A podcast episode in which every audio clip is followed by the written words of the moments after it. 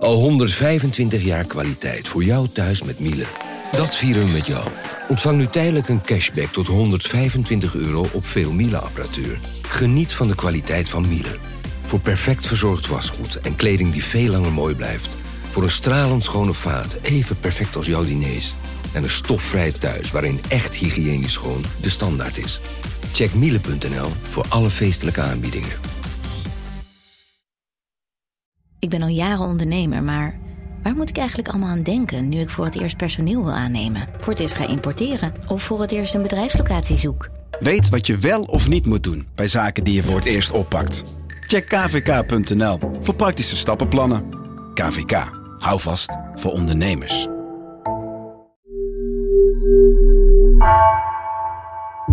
Vanaf de redactie van NRC het verhaal van vandaag. Mijn naam is Floor Boon.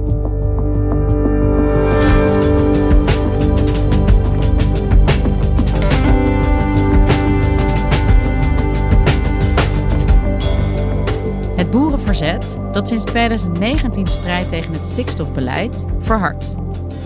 Radicale boeren intimideren bestuurders van boerenorganisaties, zodat zij het overleg met het kabinet over stikstof staken, vertelt redacteur Wilmer Hek. Hebben hun tactieken effect?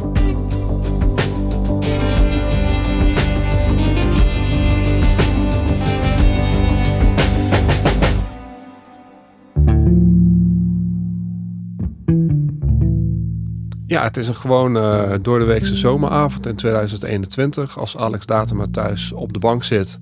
Het is al half twaalf uh, s s'avonds en opeens hoort hij hard geronk van uh, motoren. Ik had al wat trekkers gehoord, want we wonen een beetje in een stil hoekje. Ik denk, nou, er zijn nog best veel boeren aan het werk zo laat, dacht ik nog. Op een gegeven moment zagen we allemaal lichten om ons, nee, ons erf, ons terrein oprijden. Toen zag ik wat vlaggen en toen denk ik, oh, ik denk, ik had er wel eens vaker iets van gehoord, hè, dat mensen bezocht werden. Ik denk, aha, ik ben aan de beurt. Alex Datema is een uh, veehouder in het Groningse gehucht Briltil. Ja, ik ben de vierde generatie van mijn familie die op deze plek boer is. En daarvoor was de familie ook al boer, maar was op een andere plek. Ik ben echt een, uh, uh, opgegroeid als, als boerenzoon die ook nou, vanaf zolang ik mij kan herinneren boer wou worden is wel een sterke persoonlijkheid. Die is ook al wel vaker in de media geweest. Had ook op sociale media al heftige kritiek gehad dat hij de sector zou verraden en zo. En hij is ook kritisch op de boerenacties, waarmee de boeren de sympathie van de burgers zouden verspelen. Vanuit een soort persoonlijke drive spreek ik mij wel uit in de landbouw. Hè. Als het over beleid gaat, spreek ik mij wel uit over hoe ik denk dat het verder moet met de landbouw. Daar heb ik ook wel een uitgesproken mening over. En dat begint bij dat ik erken dat we een stikstofprobleem hebben en dat we iets met klimaat moeten. En dat er uh, waarbij ik denk dat er echt grote veranderingen in de landbouw nodig zijn. En dat stuit hun tegen de borst. Hè. Hij is gelijk naar buiten, naar buiten gerend. En um, ja, het bleek dus om, om radicale boeren te gaan. Hij herkende er een aantal uh, uit, uit zijn omgeving. Leden van Farmers Defence Force. Pas toen ik naar buiten ging en ik zag, dan kon ik zien hoeveel het er waren in, in, de mensen. En nou, ik denk dat er twintig mensen bij waren. Er waren een stuk of vijf trekkers en er waren nog twee of drie auto's bij ja, in het donker gingen ze in een uh, halve cirkel uh, om hem heen staan. En uh, ja, kreeg hij allerlei verwijten naar zijn hoofd geslingerd. Ik denk dat ze eigenlijk twee dingen wilden. Ze, A, van jij spreekt niet namens alle boeren. In ieder geval niet namens ons. En dan zeg ik, ja dat klopt. Wel namens een groep boeren, want ik weet dat er best wel veel boeren zijn die het op veel fronten met me eens zijn. Niet 100% hoor, dat weet ik ook wel. maar ik spreek wel namens boeren. Ze wilden wij ervan overtuigen dat ik, het blij, dat, dat ik dus zeg dat we wel een stikstofprobleem hebben wat we wel op moeten lossen. Dat dat niet klopt en dat dat niet waar is. Nou ja, daar, daar kom je natuurlijk niet uit, want dat is gewoon een stellingname over en weer. Maar goed, hij zei wel dat het uiteindelijk uh, best een goed gesprek was. Waarin hij ook zei waarom hij deed uh, wat hij doet. Ja, en ze, ze kwamen niet uh, nader tot elkaar. Het, het, is wel een beetje een onwerkelijke situatie. Ik bedoel, als je er nou op terugdenkt, ik heb ik zeg zelf steeds over de hele situatie. Ik, zeg, ik, ik heb het geen moment als bedreigend ervaren. Maar het is natuurlijk wel intimiderend bedoeld. Uh, ik herken echt wel de zorgen die die mensen hebben. Dat, dat voel ik ook echt. Ja, we moeten wel op een andere manier naar de toekomst toe. En dat moeten we samen doen. En dat is op deze manier werkt dat niet. Nou, dit bezoek aan Datema was eigenlijk uh, het eerste uh, onaangekondigde bezoek aan een uh, boerenbestuurder waar wij weet van hebben. En je ziet dus dat dat tegenwoordig veel meer gebeurt. Ja, Wilmer, het klinkt best bekend in enige opzichten. Boeren met grote trekkers die onaangekondigd en onverwacht uh, ergens langskomen. Vaak met trekkers. Uh, we zagen het bij een aantal politici in het verleden. Ook uh, om hun ja, standpunt dan over te brengen. Is dat vergelijkbaar met wat hier gebeurde? Ja, nee, het is absoluut vergelijkbaar. Kijk, het is eigenlijk allemaal begonnen in 2019, hè, toen de Raad van State dus zei van nou, Nederland moet gewoon vanwege uh, afspraken die het in Europa heeft gemaakt, flink uh, aan stikstofreductie uh, gaan doen. En dat betekent ook dat de boeren flink hun uitstoot moeten verminderen. Vanaf dat moment is er heel veel verzet gekomen vanuit de agrarische sector. Aanvankelijk was iedereen heel erg eensgezind. Nou, toen zag je dus ook dat in het najaar van 2019 de eerste grote boerendemonstratie werd georganiseerd door Agractie.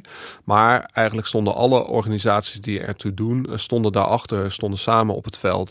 Beste boeren, betrokkenen en burgers, massaal hebben jullie gehoor gegeven aan de oproep dat het op de huidige manier niet langer kan.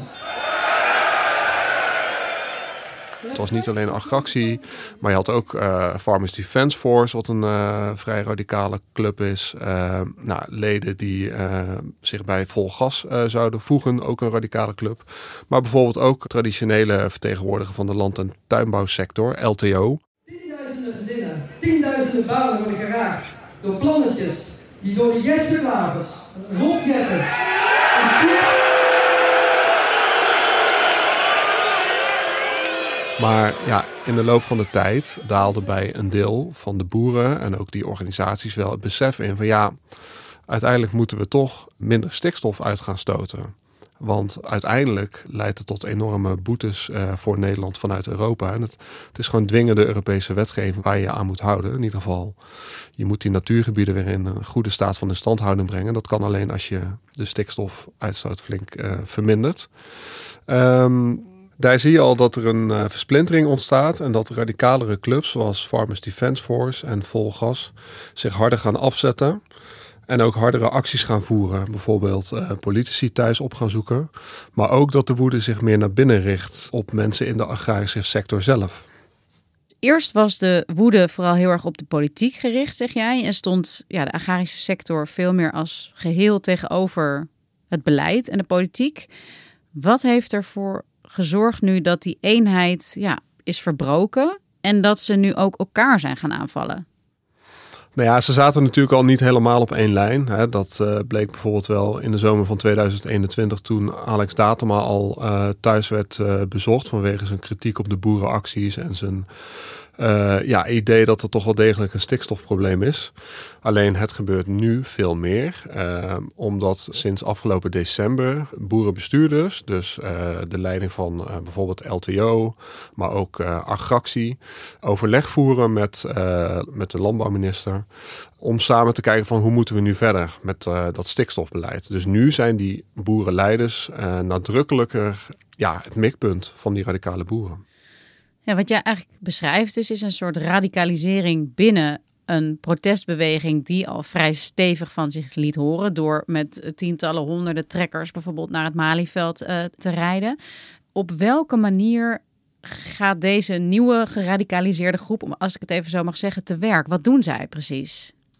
Ja, je ziet dat ze nu nog meer op de man uh, gaan spelen en uh, die boerenbestuurders enorm onder druk zetten. Daar hebben we bijvoorbeeld over gesproken met Sjaak van der Tak, voorzitter van LTO. Want die werd kort voordat die gesprekken over het landbouwakkoord begonnen in december thuis uh, bezocht.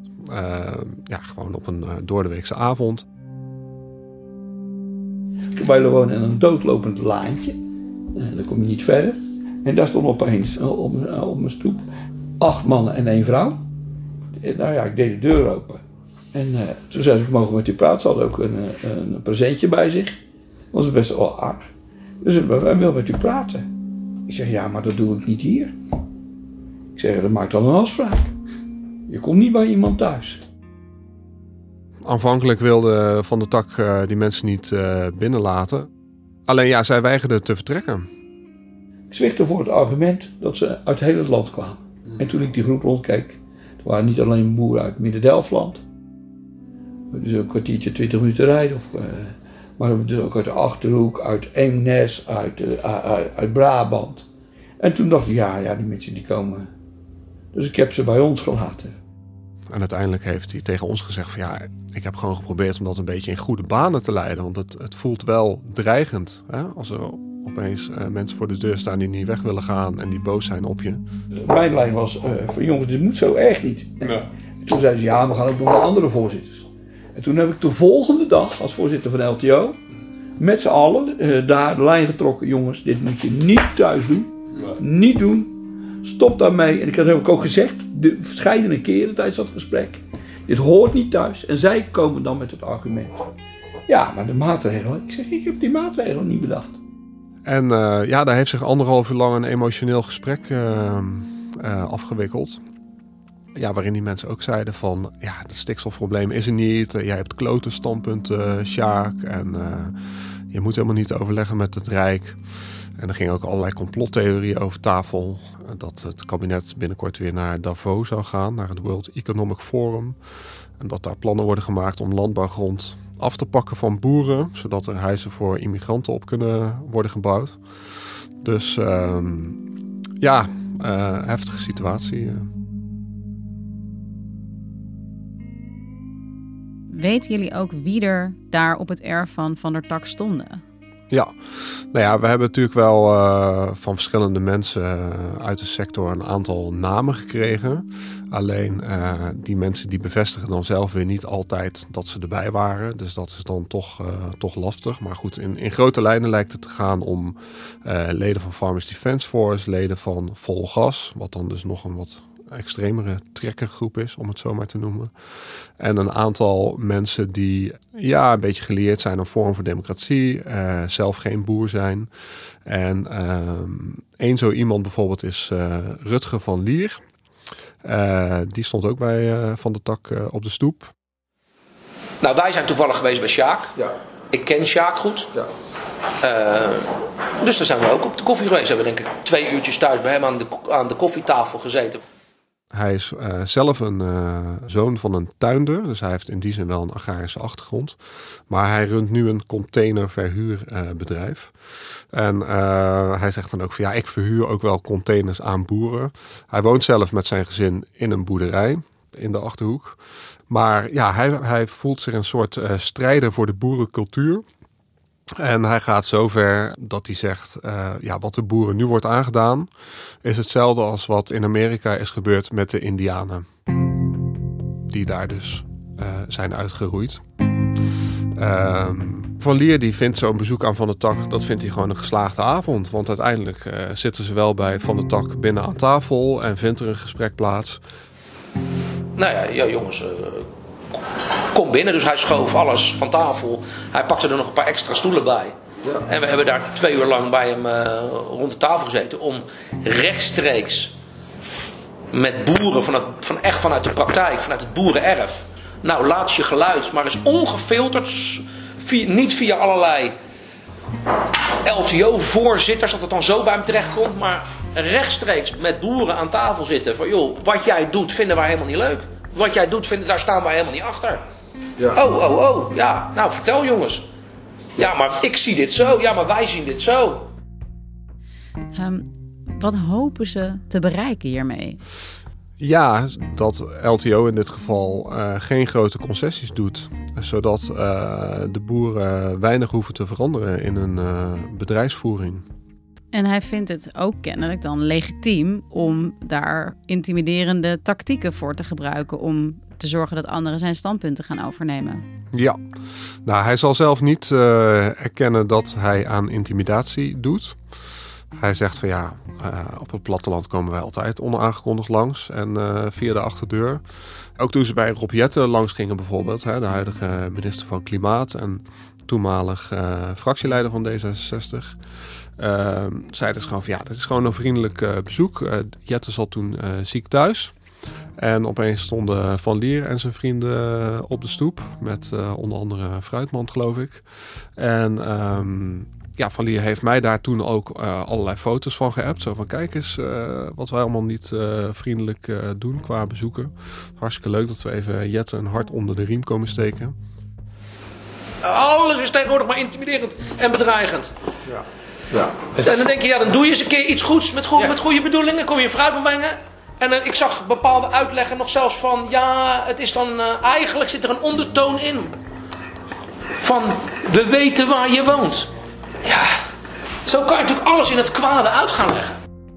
Terwijl bijvoorbeeld zo'n Jette toen ook zei van... ja, hallo, hier is wel een grens overschreden. Ik zit er niet op te wachten dat ik s'avonds thuis... Uh, als ik ziek thuis zit, opeens allemaal vreemde mensen aan mijn deur krijg. Ja, dus er vinden allerlei van dit soort bezoeken plaats... die uh, door de ontvangende partij helemaal niet als prettig worden ervaren. Um, heeft het wel enig effect wat deze radicale boeren doen? Ja, dat is natuurlijk moeilijk te zeggen, omdat die uh, boerenbestuurders, zoals een Sjaak van de Tak bijvoorbeeld, uh, ja, die zullen nooit zeggen dat ze daarvan onder de indruk zijn. Hè, Sjaak van de Tak zegt ook tegen ons van, nou, ik uh, buig niet voor schreeuwers. En die voorzitter van Agractie, Bart Kemp, die is ook bezocht. ja, die, die ontkent ook dat het enige invloed heeft. Aan de andere kant zie je wel dat Agractie onlangs is opgestapt bij dat landbouwakkoord. Dus niet meer verder wil praten met, met de overheid overheid. Er is geen onderhandelingsresultaat waarbij het grootschalig aanwijzen van gronden met beperkingen van de kaart gaat. Daarom schorten wij de deelname van Agractie Nederland als lid van de hoofdtafel op dit moment op. En uh, dat ook LTO nu wel uh, veel uh, hardere standpunten inneemt. Onder andere zegt van nou, die reductie van die stikstofuitstoot, dat hoeft niet meer per 2030, dat kan ook wel later. Ja, dan weet je natuurlijk nooit wat het effect is van die bezoeken. Maar het gaat ook niet alleen om die bezoeken. Wij weten ook dat uh, Sjaak van der Tak onlangs nog, heel recent, uh, is bedreigd via WhatsApp. Of in ieder geval geïntimideerd vanuit, uh, vanuit de top van, van het boerenverzet. Wij kunnen dan niet zeggen van wie dat komt. Want ja, LTO wil toch ook niet al te zeer de zaak op het spits drijven. Maar ehm, ja, ik kan je wel vertellen dat dat hele pittige uh, appjes zijn. Dus uh, er wordt eigenlijk voortdurend staan die bestuurders onder een enorme druk van die radicale achterban, waar intimidatie heel duidelijk een onderdeel van uitmaakt.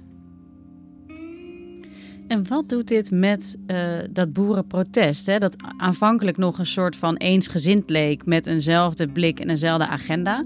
Hoe heeft het invloed op hoe die andere boeren zich organiseren?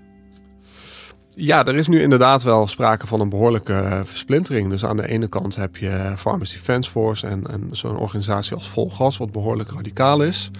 Aan de andere kant heb je een politieke partij als BBB, die uh, daar een beetje tussenin probeert te laveren. Uh, zij zeggen dan wel weer van ja, die, die bezoeken en zo, dat gaat ons te ver.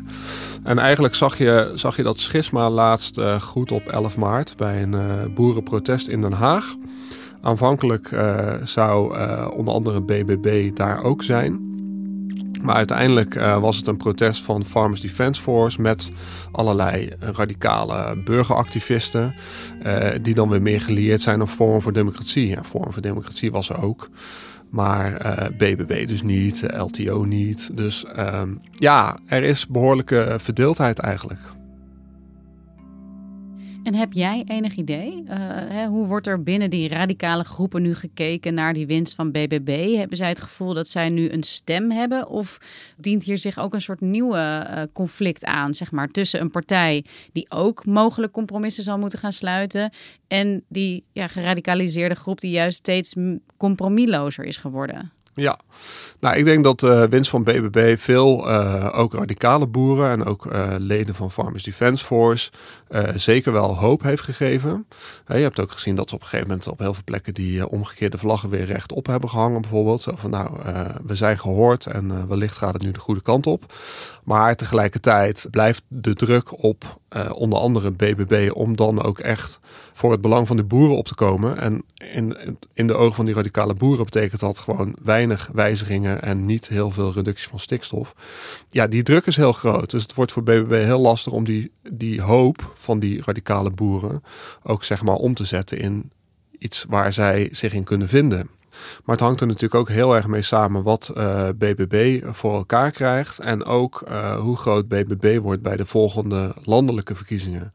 Kijk, als zij dan heel groot worden en uh, zij gaan nog meer de hakken in het zand zetten en voorlopig niet uh, aan grootschalige stikstofreductie doen, ja, dan zijn die radicale boeren voorlopig tevreden gesteld natuurlijk. Maar als BBB niet zo heel groot wordt en wel wordt gedwongen om toch uh, flink aan stikstofreductie te doen, ja, dan zullen die waarschijnlijk nog steeds boos blijven. En wellicht komen er dan weer veel meer radicale acties. Dankjewel, Wilmer.